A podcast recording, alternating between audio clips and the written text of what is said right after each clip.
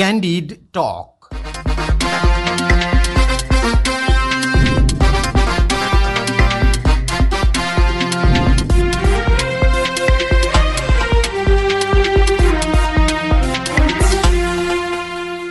नमस्कार क्यान्डिड टकमा स्वागत छ म Krishna Timilsina. Radio Candid ninety two point seven मेगाहर्सको नियमित प्रस्तुति क्यान्डिड टक तपाईँ काठमाडौँ उपत्यका र आसपासका जिल्लाहरूमा नाइन्टी टू पोइन्ट सेभेन मेगाहर्समा सुनिरहनु भएको छ। साथै तपाईँ हामीलाई रेडियो क्यान्डिडको फेसबुक पेज रेडियो क्यान्डिडको पोडकास्ट रेडियो क्यान्डिडको एप अनि हाम्रो पात्रमा पनि सुन्न सक्नुहुन्छ।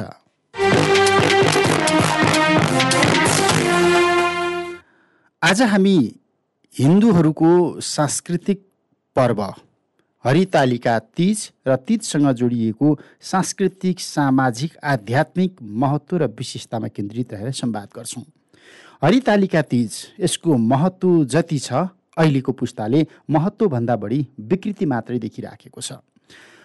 विशेष गरी पौराणिक कालमा यसको सामाजिक पाटो फरक थियो। पूर्वीय वैदिक सनातन धर्मशास्त्रले यसलाई फरक ढङ्गबाट व्याख्या गरेको थियो। यसको व्यापकता नेपाल लगायत भारतवर्षका विभिन्न देशहरूमा उस्तै थियो तर विश्वव्यापी बनिराखेको यो तिज पर्वको मौलिकता र सांस्कृतिक महत्त्व चाहिँ पछिल्लो समयमा हराएर गएको छ। आखिर तिजको महत्त्व के छ अनि पछिल्लो समयमा आएको विकृतिलाई संस्कृतिविदहरूले कसरी कुन रूपमा बुझ्छन्? डाक्टर निर्मला पोखरेल संस्कृतिविद आज हामीसँग संवादमा रहनुहुनेछ। डाक्टर पोखरेल यहाँलाई स्वागत छ। धन्यवाद। तिजको शुभकामना सबैभन्दा पहिला तपाईँलाई आज दर्खानी दिन। र एकजना संस्कृतिविद भएको हिसाबबाट तपाईँसँग मैले यसको खास हाम्रो हामीले बा भोगिराखेको बाँचिराखेको अथवा पढिराखेको समाज सभ्यता र संस्कृतिमा यसको महत्त्व चाहिँ के हो कसरी बुझ्नुपर्छ भन्नेबाट सुरु गरौँ न। अहिलेको परिवेशमा यो परिवर्तित स्वरूपमा मनाउन थालियो तिजलाई। तिजको मौलिकता र वास्तविकता के हो र कसरी यो पर्वको प्रारम्भ भयो र यसको मूल आशय के हो भन्ने कुरालाई महिला दिदीबहिनी समाज सबैले बिर्सिँदै गएर खालि एउटा एकपक्ष मनोरञ्जनको दृष्टिकोणले मात्रै महत्त्व दिएको कारणले गर्दाखेरि यसमा अलिक विकृति ज्यादा बढेर गएको नै अवस्था छ अहिले हेर्दाखेरि चाहिँ।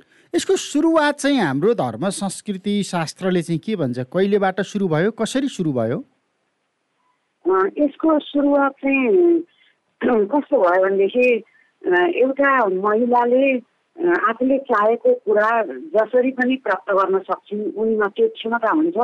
र उनले त्यो क्षमतालाई सही सदुपयोग गरिन् भनेदेखि अप्राप्य चिज भन्ने केही पनि हुँदैन जस्तो चाहिँ मानव योनिमा जन्मिएकी पार्वतीले देवताका पनि देवता महादेवलाई एउटा आफू भक्तको रूपमा नभइकन पतिको रूपमा नै प्राप्त गर्नु भनेको त्यो असम्भव प्राय जस्तो अवस्था हो। तर पनि उनले दृढ निश्चय गरेर यो चिज म प्राप्ति गर्न सक्छु भनेर त्यसप्रति उनी चाहिँ सङ्कल्पित भएर त्यो प्राप्तिको लागि निरन्तर लागिरहँदाखेरि प्राप्त गर्न सकिन् र यो क्षमता नारीमा हुन्छ। नारीले चाहेको कुराहरू मेहनत गर्न सक्छन्। उनीहरू निष्ठामा रहन सक्छन् र उनीहरूले प्राप्त पनि गर्न सक्छन् भन्ने कुराको एउटा उदाहरण र सङ्केतको रूपमा यसको प्रारम्भ भएर अनि त्यसभित्र केही अब विभिन्न चाडहरूमा मनोरञ्जनको पक्षलाई पनि गाँसिएपछि त्यो चाहिँ अलिक टिकाउ पनि हुन्छ र त्यसमा अलिक रसिलो पनि हुन्छ भनेर थपिएर गएको हो मनोरञ्जनको पक्ष। नत्र भने प्रारम्भमा मनोरञ्जनको पक्ष होइन कि कर्तव्य निष्ठा साधनाको पक्षलाई चाहिँ प्रस्ट्याउन खोजिएको हो प्रारम्भमा चाहिँ यसको। अब यो जस्तो यसको निष्ठा सङ्कल्प महिमा अथवा साधनालाई पछिल्लो समयमा विशेष गरी परापूर्व कालको त्यो समाजले कसरी समाजसँग जोड्यो? सामाजिक रूपमा चाहिँ यो कसरी उत्सवको रूपमा रूपान्तरण भयो त? अब अहिलेको पुस्तासँग त यो सामाजिक पर्व हो भन्यो भनेदेखि त्यसको अर्थ गलत रूपमा राख्छ। तर परम्परागत रूपमा चाहिँ यो समाजसँग कसरी जोडिएको थियो? यसो हो परम्परागत रूपमा एउटा नारी र पुरुषबाट नै यो सम्पूर्ण कुराहरू यो समाजै नारी र पुरुषको संयुक्त स्वरूपबाट सृष्टि हुँदै विकास हुँदै विभिन्न रूपमा उनीहरूको संयुक्त प्रयासबाट नै यो समाजको निरन्तरता भएको हो भन्ने कुरा त अकाट्य छ।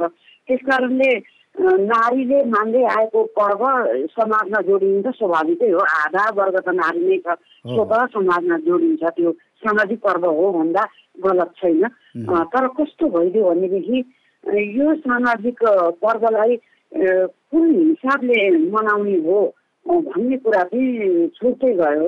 सद्भावको कुरा आउँछ यहाँ यहाँ चाहिँ आएर एकअर्काको साथीभाइ सङ्गी आफन्त इष्टमित्र घर परिवार माइती मामली सबैसँग चाहिँ घुलमिल हुन जरुरी छ भन्ने कुराको सन्देश पनि यसले त दिन खोजेको त हो। तर कस्तो भइदियो भनेदेखि यो पछिल्लो समयमा आएर यसले चाहिँ आफ्नो मूल आदर्शलाई बिर्सिएर गइदिनाले अलिकति विकृतिको पाटो ज्यादा हाबी हुन गएको चाहिँ देखिन्छ। हुन त यो समाजभित्रै मनाइने पर्व हुन्छ दाजुभाइ दिदीबहिनी ले दाजुभाइले दिदीबहिनीलाई निम्तो गर्ने बोलाउने अनि नाइटीले अरू आमा बुवाले बोलाउने र त्यहाँ खुवाउने त्यही सिलसिलामा चाहिँ व्रत पनि त्यही व्रत गर्नुभन्दा अगाडि त्यसरी चाहिँ एउटा त्यो किसिमले सम्मान गर्ने छोरी चेलीबेटीलाई एउटा छोरीको हिसाबले चाहिँ यहाँ चाहिँ आमालाई मान्ने पर्व बुवालाई मान्ने पर्व गुरुलाई मान्ने पर्व सकिसकेपछि अब छोरी छोरी बेटीको सम्मानमा माइती पक्षबाट मनाउने पर्वको रूपमा यो विकसित भयो। त्यही सिलसिलामा बाल सखाहरू भेट्ने आफ्नो चाहिँ सम्पूर्ण घरमा पुगिसकेको विवाह गरेर गएको घरमा झेलेका विभिन्न किसिमका समस्याहरूको केही भए पनि केही हदसम्म भए पनि त्यो बिर्सिने र त्यस सम्बन्धी आफ्ना कुराहरूलाई राख्ने किसिमले समाजमा विकसित हुँदै गयो। त्यो गलत पनि होइन। तर कस्तो भइदियो भनेदेखि पछिल्लो समयमा त्यो कुराको चाहिँ त्यति ख्याल गर्न छाडिएको चाहिँ हो। त्यसमा त्यस्तो देखिन्छ। अब जस्तो त्यति बेला समाजमा अब सामाजिक हिसाबबाट भौगोलिक हिसाबबाट पारिवारिक हिसाबबाट विवाह गर्यो टाढा टाढा पुग्यो छोरी चेलीहरू माइतीको घर आँगनमा आउनको लागि त्यो माया पाउनको लागि त्यहाँ जोडिनका लागि एक खालको भौगोलिक विकटता पनि थियो होला दूरी पनि थियो होला। त्यस हिसाबबाट त्यो त्यसको महत्त्व त्यति बेला फरक थियो। अब अहिले न त्यो खालको दुरीले छोरी चेलीलाई छेकिराखेको छ न मिठो मसिनो खाने सन्दर्भमा छोरी चेलीलाई छेकिराखेको छ न त्यो माइतीको अथवा घरको दुःख भाव पोख्नको लागि कुनै एउटा सीमा नै बाँकी छ। त्यस हिसाबबाट स्वाभाविक रूपमा यो पर्वको महिमा त्यसरी समाजले रूपान्तरण गरेर लिएर आयो आधुनिकतामा रूपान्तरण गर्यो भनेर सकारात्मक रूपमा हेऱ्यो भने चाहिँ त्यहाँभित्र पनि विकृति देखिन्छ त? सकारात्मक रूपमा हेर्न सकिन्छ। अब प्रविधिले गर्दा अहिले यातायातको सुविधा सञ्चारको सुविधा आदि भौगोलिक कुरा एकदम महत्त्वपूर्ण कुरा गर्नुभयो। किनभनेदेखि त्यो कुराले गर्दा यो समय यो तिथिमिति पनि त्यो भूगोललाई पनि हेरेर निर्धारण गरेको हुन्छ। किनभने यो वर्षाको समय केही सिद्धिसकेको खोला नाला तर्न योभन्दा अगाडिको मौसममा खोला नाला बढेर गएको तर्न गाह्रो हुने अवस्थाको र यो समयमा चाहिँ केही खोला नालाको बहाव भोल्युम त्यसको केही मात्रामा भए पनि घटेको हिलो मैलो पनि केही मात्रामा भए पनि सकिएको यो अवस्थामा चाहिँ अब खेती किसानी नेपाल कृषि प्रधान देश हो खेती किसानीको कार्य पनि केही हदसम्म सकिएको अब जोडबिल मात्रै बाँकी रहेको भएकोले यो यो मौसमलाई रोजेको यो हाम्रो भौगोलिक अवस्थालाई हेरेर पनि यो यो चाडको चाहिँ यही समयलाई रोजिएको हो तत्कालीन समयमा। तर अहिले अहिलेको यातायात सञ्चार सबैको धेरै हदसम्म चाहिँ सुविधा भइसकेको कारणले गर्दाखेरि यसमा अलिकति परिवर्तन हुनु त स्वाभाविक हो। अहिलेका महिलाहरू कामकाजी पनि भए उनीहरूले अब विभिन्न ठाउँमा खालि घरभित्रको काम मात्रै नभइकन घर बाहिरको काम घर बाहिर पनि महिला निस्के र कामकाज गर्न थाले। यी आदि इत्यादि कारणले गर्दा परिवर्तन आउनु स्वाभाविक छ। आउनु पनि पर्छ। नभएदेखि जुन जुन आस्थाले यो पर्वको प्रारम्भ भयो भएको हो त्यो आस्थाको मूल मर्म चाहिँ छुट्नु हुँदैन तर त्यसमा मनाउने विधिमा परिवर्तन परिवर्तन हुनु स्वाभाविक हो। यो सकारात्मक रूपमा यसलाई लिनुपर्छ र त्यसमा के कुरा चाहिँ अलिकति बिर्स्यो भने आफ्नो चाहिँ जुन एउटा चाहिँ दायरा छ नि लिमिटेसन भन्छ नि त्यो दायरालाई चाहिँ भुल्न थालेको नै हो। जस्तो चाहिँ कुनै पनि चाडपर्व मनाउँदा एउटा अनुशासित ढङ्गले दायराभित्र मनाउनको लागि नै हाम्रा ऋषिमुनिहरूले हजारौँ वर्ष तपस गरेर धर्म पनि त्यसमा सँगसँगै जोडिदिएको हुन्छ। मनोरञ्जन सँगसँगै धर्म जोडेको हुन्छ। चाडपर्व भनेको मनोरञ्जन धर्म सामाजिक परिवेश परिस्थिति स्थिति सारा हेरेर मात्रै त्यो तिथिमिति तोकेर बनाएको हुन्छ। त्यस कारणले गर्दा यी सबै कुराको धरातललाई पनि बिर्सिनु चाहिँ हुँदैन। भन्ने चाहिँ मनमा राखेर चाड मनायो भनेदेखि आफ्नो दायरालाई नाच्दैन। अब यो सबै कुराहरू चाहिँ केही पनि थाहा नपाइकन एउटा चाड मात्रै मनाउने भन्ने हिसाबले गयो भनेदेखि चाहिँ दायरालाई नागिहाल्छ। अब त्यो गर्न दायरा नलाग्नको लागि चाहिँ यो चाड कस्तो हो? यो चाडपर्व कतिको वैज्ञानिक छ? किन यो चाडलाई राखिएको होला? भन्ने कुरा चाड मनाउने वर्गले पनि केही बुझ्न चाहिँ जरुरी छ। त्यसै नबुझिकन यस्तो चाड मनाउँदाखेरि यो किसिमको चाहिँ आफ्नो दायरालाई अलिकति नाग्न पर्ने अवस्था चाहिँ आएको हो र त्यस्तो आउँछ त्यो स्वाभाविक पनि हो। अब यो गतिशीलताभित्र समाजको गतिशीलताभित्र समयको गतिशीलताभित्र अहिलेको पुस्ताले केही सृजनशीलता छ थपेको छ कि छैन? तपाईँलाई के लाग्छ यो तिजका अथवा यस्ता चाडपर्वको सन्दर्भमा? केही त केही सृजनशीलता त थपेको छ तर कस्तो देखिन्छ भने यहाँले हेर्दाखेरि यो यो पर्वको मूल के हो भन्ने कुरा चाहिँ बुझेको छैन। अब हो कतिले यही बेलामा राजनैतिक कुराहरू राजनैतिक कुराहरू गर्छन् छेडखानीका कुराहरू गर्छन् किनभने त्यो आफ्नो आफ्नो मनभित्रको एक कुनाको असन्तुष्टिलाई पोखेको हो त्यो महिलाले। किनभने हाम्रो पितृ प्रधान समाज हो यो समाजमा महिलाका पीडा संयुक्त समाजको सँगसँगै अलिकति महिला हुनुको पीडा पनि त छ अलग्गै। त्यो कुरालाई चाहिँ आफ्नो अवसरमा किन यो त महिला प्रधान पर्व भयो?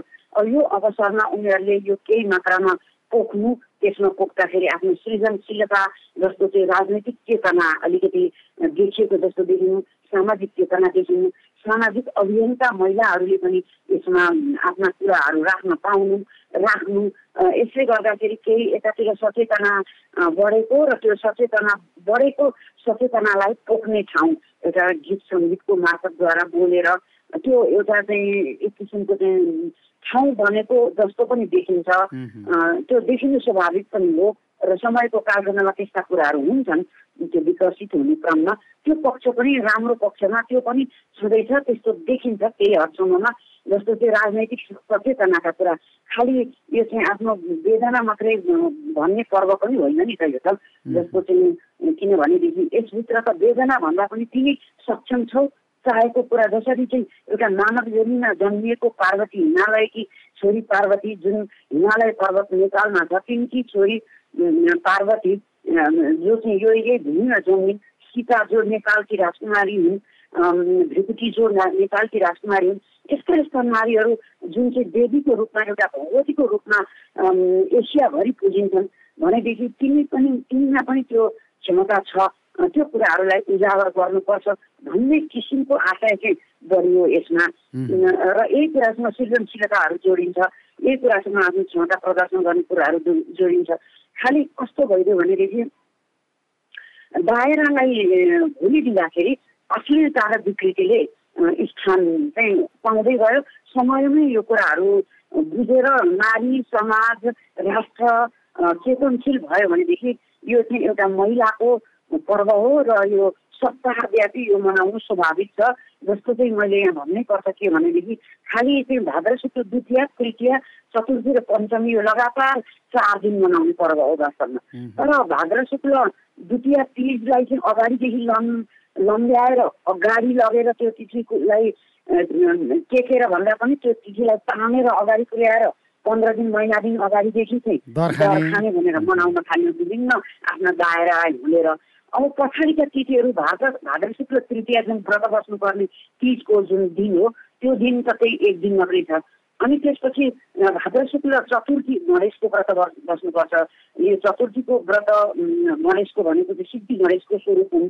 जसले चाहिँ जुन आशय राखेर व्रत बसेको त्यो भाद्र शुक्ल तृतीयाको दिन त्यो आशयलाई चाहिँ सहयोग गर्ने सहयोगीको भूमिकाको रूपमा गणेश चौथी हो त्यो। गणेशलाई पूजा गर्ने त्यसपछि ऋषि पञ्चमी आउँछ शुद्ध शुद्धिको कुराहरू आउँछ। यो चाहिँ के भने स्वच्छताको कुरा हो। ऋषि पञ्चमी भनेको चाहिँ एउटा स्वच्छ रहनुपर्ने नारीले किनभने महिनावारी हुने कुरा भनेको नारीलाई मात्रै हुन्छ।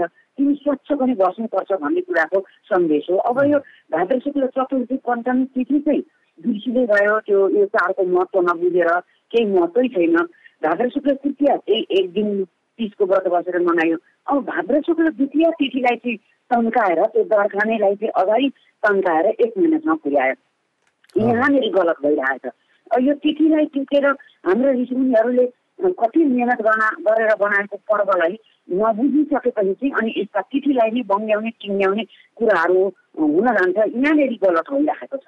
अब यहाँनिर विशेष गरी अब महिलाहरूको सम्मानका लागि महिलाहरूको त्यो एउटा त्यो परम्परागत रूपमा परापूर्व कालमा महिलाहरूको त्यो पीडा पोख्नको लागि रमाइलो गर्नको लागि भनेर ऋषिमुनिहरूले त्यो ढङ्गले परिकल्पना गरेको अहिलेको यो पर्व महिला शिक्षित भएको आधुनिक समाजको विशेष गरी पढे लेखेका महिलाहरू यसका विरुद्धमा बढी खनिएको देखिन्छ कि जो पाश्चात्य संस्कृतिलाई अवलम्बन गर्छन् र हिन्दू संस्कृति र परम्पराका विरुद्धमा तथा नाम सामाजिक सञ्जालमा अथवा सार्वजनिक रूपमा अभिव्यक्तिहरू दिन्छन्।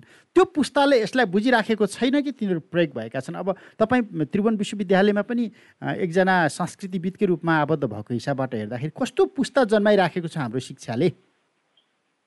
यस्तो छ। यसमा एकदमै राम्रो प्रश्न हो यो चाहिँ समय सान्दर्भिक छ। यो सबैमा चेतनाको कमी भयो। पढ्न त पढेका छन् तर सामाजिक चेतना जुन चाहिँ एउटा एउटा सांस्कृतिक चेतना हुन्छ नि सांस्कृतिक चेतना अरू विषयमा जस्तो अभियन्ताको रूपमा उनीहरू होलान् अरू विभिन्न विषयमा शिक्षित महिलाहरू छन् तर एउटा सांस्कृतिक चेतना हुन जरुरी छ। त्यो सांस्कृतिक चेतना चाहिँ नभएको हो। सांस्कृतिक चेतना हुनको लागि यति धेरै संस्कृतिको धनी र यति वैज्ञानिक संस्कृति छ हाम्रो संस्कृति त्यता उपेक्षा गरेको छ। राज्यले पनि उपेक्षा गरेको छ शिक्षित महिलाले पनि उपेक्षा गरेको छ। हाम्रो वैज्ञानिक धरातलमा टेकेर वैज्ञानिकतामा आधारित रहेर यी चाडपर्वहरू जन्मिएका छन्। मनाउने यसको चाहिँ एउटा दायरा छ। त्यतापट्टि चाहिँ शिक्षित महिला पनि सचेत भएन।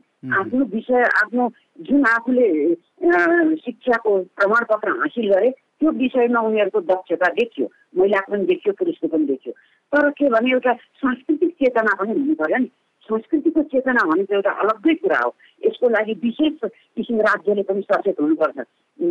सानो एउटा नर्सरीको अहिलेको अवस्थामा नर्सरीदेखि लिएर विश्वविद्यालयसम्म चाहिँ संस्कृति विषयको सानो एउटा कोर्स पुस्तक नै राखिदिएर किन हाम्रो जस्तो संस्कृतिको वैज्ञानिक संस्कृतिलाई मानेर चाहिँ अघि बढ्दै गएको राष्ट्र विश्वमा अरू छैन। भारत एउटा छ नेपालको संस्कृतिसँग मिल्दोजुल्दो आफ्नै किसिमको संस्कृति त्यहाँ विकास भएको छ धेरै कुराहरू मिल्छ संसारमा अरू कुनै पनि राष्ट्र छैन कि संस्कृतिको रूपमा नेपाल जस्तो धनी राष्ट्र यो कुरालाई जोगाउनको लागि सर्वप्रथम त राज्य सचेत हुनुपर्छ। त्यो राज्य सचेत हुनुपर्छ भने के भने राज्यले गर्न सक्ने कामहरू राज्यले गर्नुपर्ने दायित्वहरू बिर्सिराखेको छ। र राज्यले गरेको कार्यहरू चाहिँ ज्यादा प्रभावकारी पनि हुन्छन् र छिटो पनि हुन्छ। त्यो कस्तो भनेदेखि नर्सरीदेखि मास्टर्स लेभल विद्यावारिधीसम्म एउटा सानो पोर्सन चाहिँ यति धेरै संस्कृतिको धनी वैज्ञानिक संस्कृति भएको देशमा देशको पढाइमा एउटा सानो अध्ययनको सानो पक्ष त संस्कृति विषय पनि राखिदिनुपर्छ र त्यसो हुने बित्तिकै जागृत हुने त्यहाँ एउटा पूर्वाधार बन्न जान्छ। अनि त्यसपछि समाज पनि त्यही कुरालाई अध्ययन गरेर आएपछि समाज स्वत समाज भनेको तिनै पछि ठुला भएपछि दायित्व निर्वाह गर्ने व्यक्तिहरू हुँदैन हुन् दायित्वमा पुग्ने व्यक्तिहरू हुन्। तिनै बच्चा भोलिका उत्तराधिकारी ती बच्चाहरू नै भोलि राष्ट्रका उत्तराधिकारी हुन्छन्। उनीहरूले बच्चैदेखि संस्कृति के हो? हाम्रो संस्कृति कति बोलिन्छ र हाम्रो संस्कृतिलाई जोगाउन कति जरुरी रहेछ र यो हाम्रो संसारमा कसैको नभएको यो सम्पत्ति नै हाम्रो हामीलाई जोगाउने हाम्रो राष्ट्रलाई पहिचाउने हामीलाई चिनाउने र हामीलाई बचाउने अर्थोपार्जनसम्म गर्न सक्ने अवस्थामा पुर्याउन सकिन्छ हाम्रो संस्कृतिलाई जोगाएर राख्यो भने। यो कुराको सचेतना राज्यलाई हुनु पर्यो समाजलाई हुनु पर्यो व्यक्ति व्यक्तिलाई हुनु पर्यो।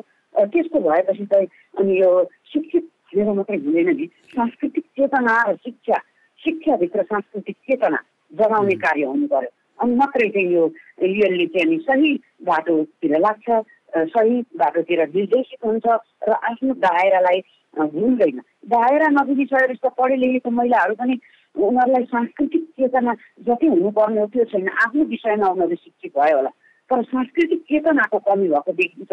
पढे लेखेको महिलाहरूमा पनि मैले आफ्नो अनुभव गर्दाखेरि चाहिँ मलाई त्यस्तो लाग्छ। तपाईँहरूले विश्वविद्यालयमा यी र यस्ता विषयहरूमा अध्ययन गर्न गराउन पाउनुहुन्न है? पाइन्छ। विश्वविद्यालयमा त विद्यार्थीहरू हाम्रो कुन संस्कृतिमा का बारेमा के पढेर विश्वविद्यालयबाट विद्यार्थीहरू दीक्षित भएर निस्कन्छन् भन्ने एउटा जिज्ञासा कि? पढे लेखेका एकदम बौद्धिक ज जमात भनेर चिनिएको पुस्ताले गरेका टिका टिप्पणीहरू लेखेका लेखहरू पढ्दाखेरि लाग्छ यी विश्वविद्यालयबाट कसरी दीक्षित भएका हुन्? हाम्रो संस्कृतिका सन्दर्भमा भन्ने एउटा जिज्ञासा स्वाभाविक रूपमा उठ्छ। कसरी दीक्षित भएर निस्किन्छन्? हो एकदमै सही कुरा हो कि विश्वविद्यालयमा जुन जुन विषयमा चाहिँ अध्ययन अध्यापन हुन्छ त्यो त्यो विषयको बारेमा उनीहरूले जानकारी राख्यो। पढाइ नहुनु होइन। हाम्रो कोर्स विषय असाध्यै उत्कृष्ट छ राम्रो छ। तर तर संस्कृति विषयको लागि जुन किसिमको चेतना जागृत हुने किसिमको चाहिँ एउटा सानो पूर्णाङ्कको राखिदिनु पर्ने हो। सबै विषयको कोर्स विषयमा त्यो कुराको अभाव छ। त्यसले गर्दाखेरि चाहिँ एकातिर चाहिँ आफ्नो विषयमा विद्यावारिधीसम्म गरिसके संस्कृति विषय बाहेक अरू आफ्नो विषयमा पोक्त छन् दक्ष छन्। सबै कुरा छ। तर संस्कृति विषयमा संस्कृतिको चेतना भनेको त्यहाँ जगाउने किसिमको नर्सरीदेखि लिएर पिएचडीसम्म पुगुन्जेलसम्म हाम्रो संस्कृतिलाई चाहिँ जगाउने किसिमको कोर्स पृष्ठले त्यहाँ देखिँदैन। हामीले अरू हेर्दाखेरि पनि एउटा सामाजिक शिक्षा भन्ने विषय दस क्लाससम्म पुगुन्जेलसम्ममा अलिअलि त्यसले केही न केही त्यो विषयमा चाहिँ केही न केही हाम्रो संस्कृति सम्बन्धी थोरै राखिदिएको छ। त्यसपछि त्योभन्दा माथिल्लो पढाइमा पुगिसकेपछि चाहिँ आफ्नो आफ्नो विषयतिर उनीहरू जान्छन्। संस्कृति विषयको त्यहाँ केही पनि पठन पाठन हुने कोर्स विषयले नै राखेको छैन।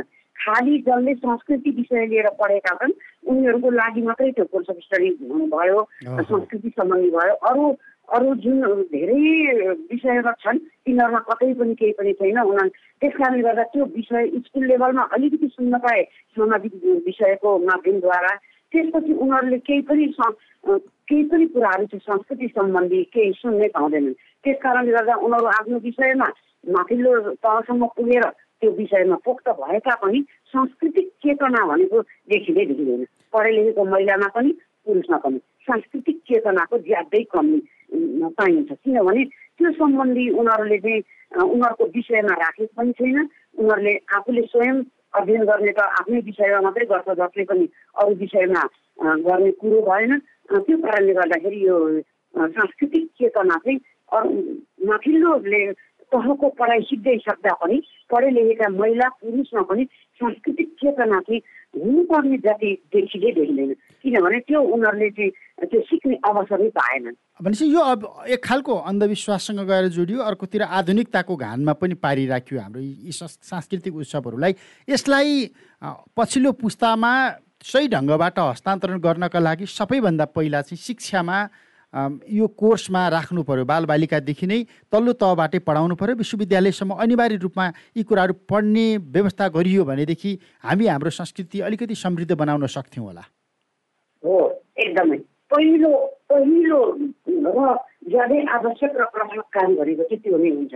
राज्यले नै त्यो एकदमै सानो कक्षादेखि नै संस्कृति जस्तो चाहिँ चाडपर्वको दिन स्कुल बिदा दिन्छन् त्यो ठिक छ। त्यो बिदा दिएको दिनमा त्यो तिमीले चाड कसरी मनायो त्यो चाडपर्वको बारेमा त्यो चाडको बारेमा लेखेर ल्याऊ भनेर चाहिँ बिदा त दिने तर त्यो बिदाको होमवर्क चाहिँ के दिने भने त्यो चाड सम्बन्धी नै होमवर्क दिने।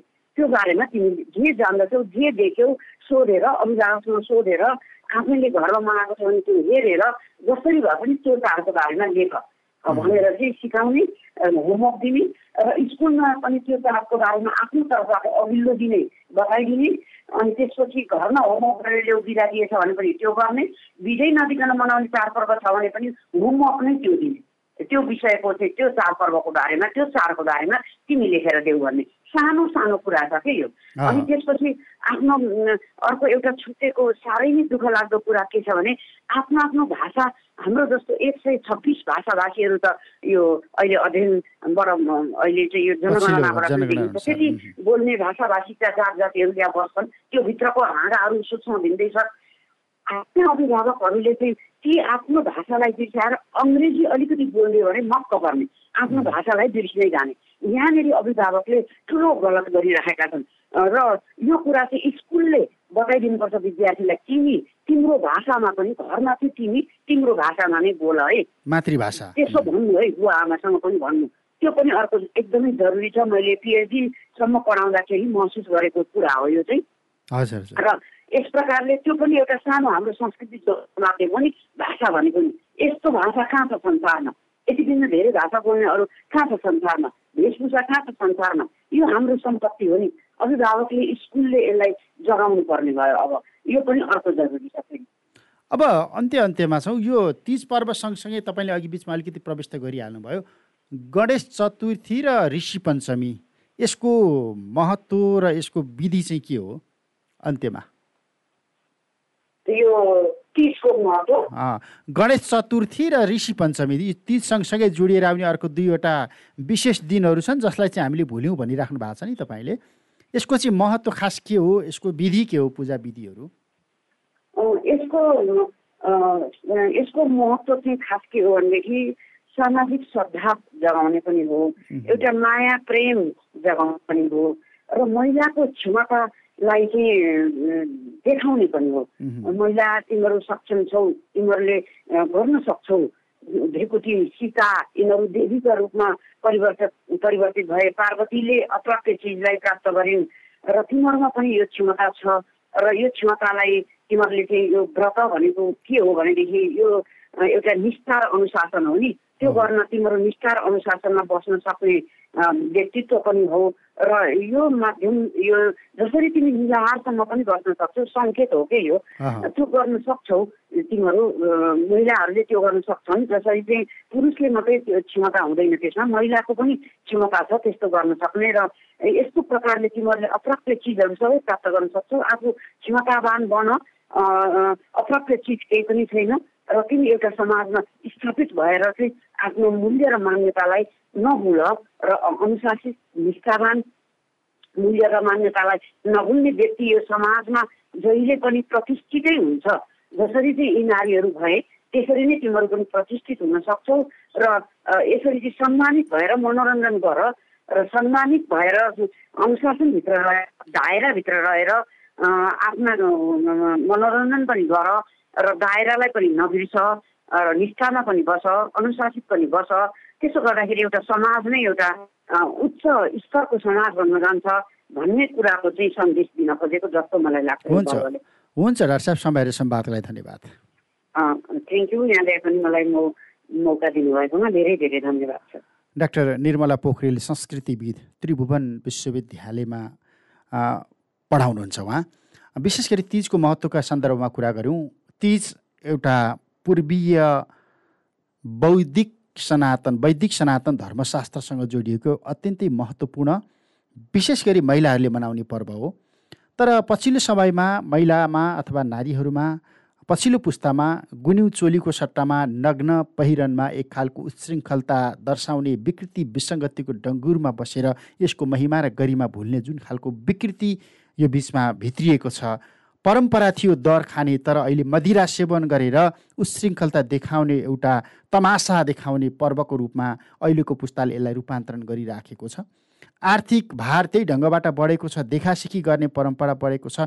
तामसी उत्सवको रूपमा तिजलाई अहिलेको पुस्ताले रूपान्तरण गरिरहँदा अन्धविश्वास धेरै छ। आधुनिकताको घानमा हाम्रो यी र यस्ता खालका चाडपर्वहरू परिराखेका छन्।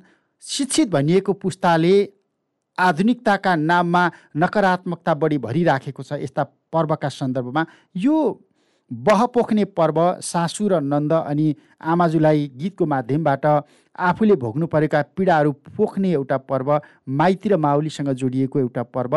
यस्ता पर्वलाई हामीले हाम्रो संस्कृतिलाई कसरी जोगाउन सक्छौँ कसरी समृद्ध बनाउन सक्छौँ कसरी रचनात्मक बनाउन सक्छौँ समयको गतिशीलता र परिवर्तन सँगसँगै अहिलेको पुस्ताले यसमा सृजनशीलता थप्न सक्छ तर यसको मौलिकता किन यसरी नासिराखेको छ भन्ने विषयमै बढी केन्द्रित थियौँ। समय र संवादका लागि डाक्टर निर्मला पोखरेल संस्कृतिविदलाई फेरि पनि धन्यवाद दिन्छु। प्राविधिक मित्र प्रवीणका साथमा कृष्ण तिमल सिन्हा क्यान्डिड टकबाट बिदा हुन्छु। Radio Candid ninety two point seven सुन्दै रहनुहोला। नमस्कार।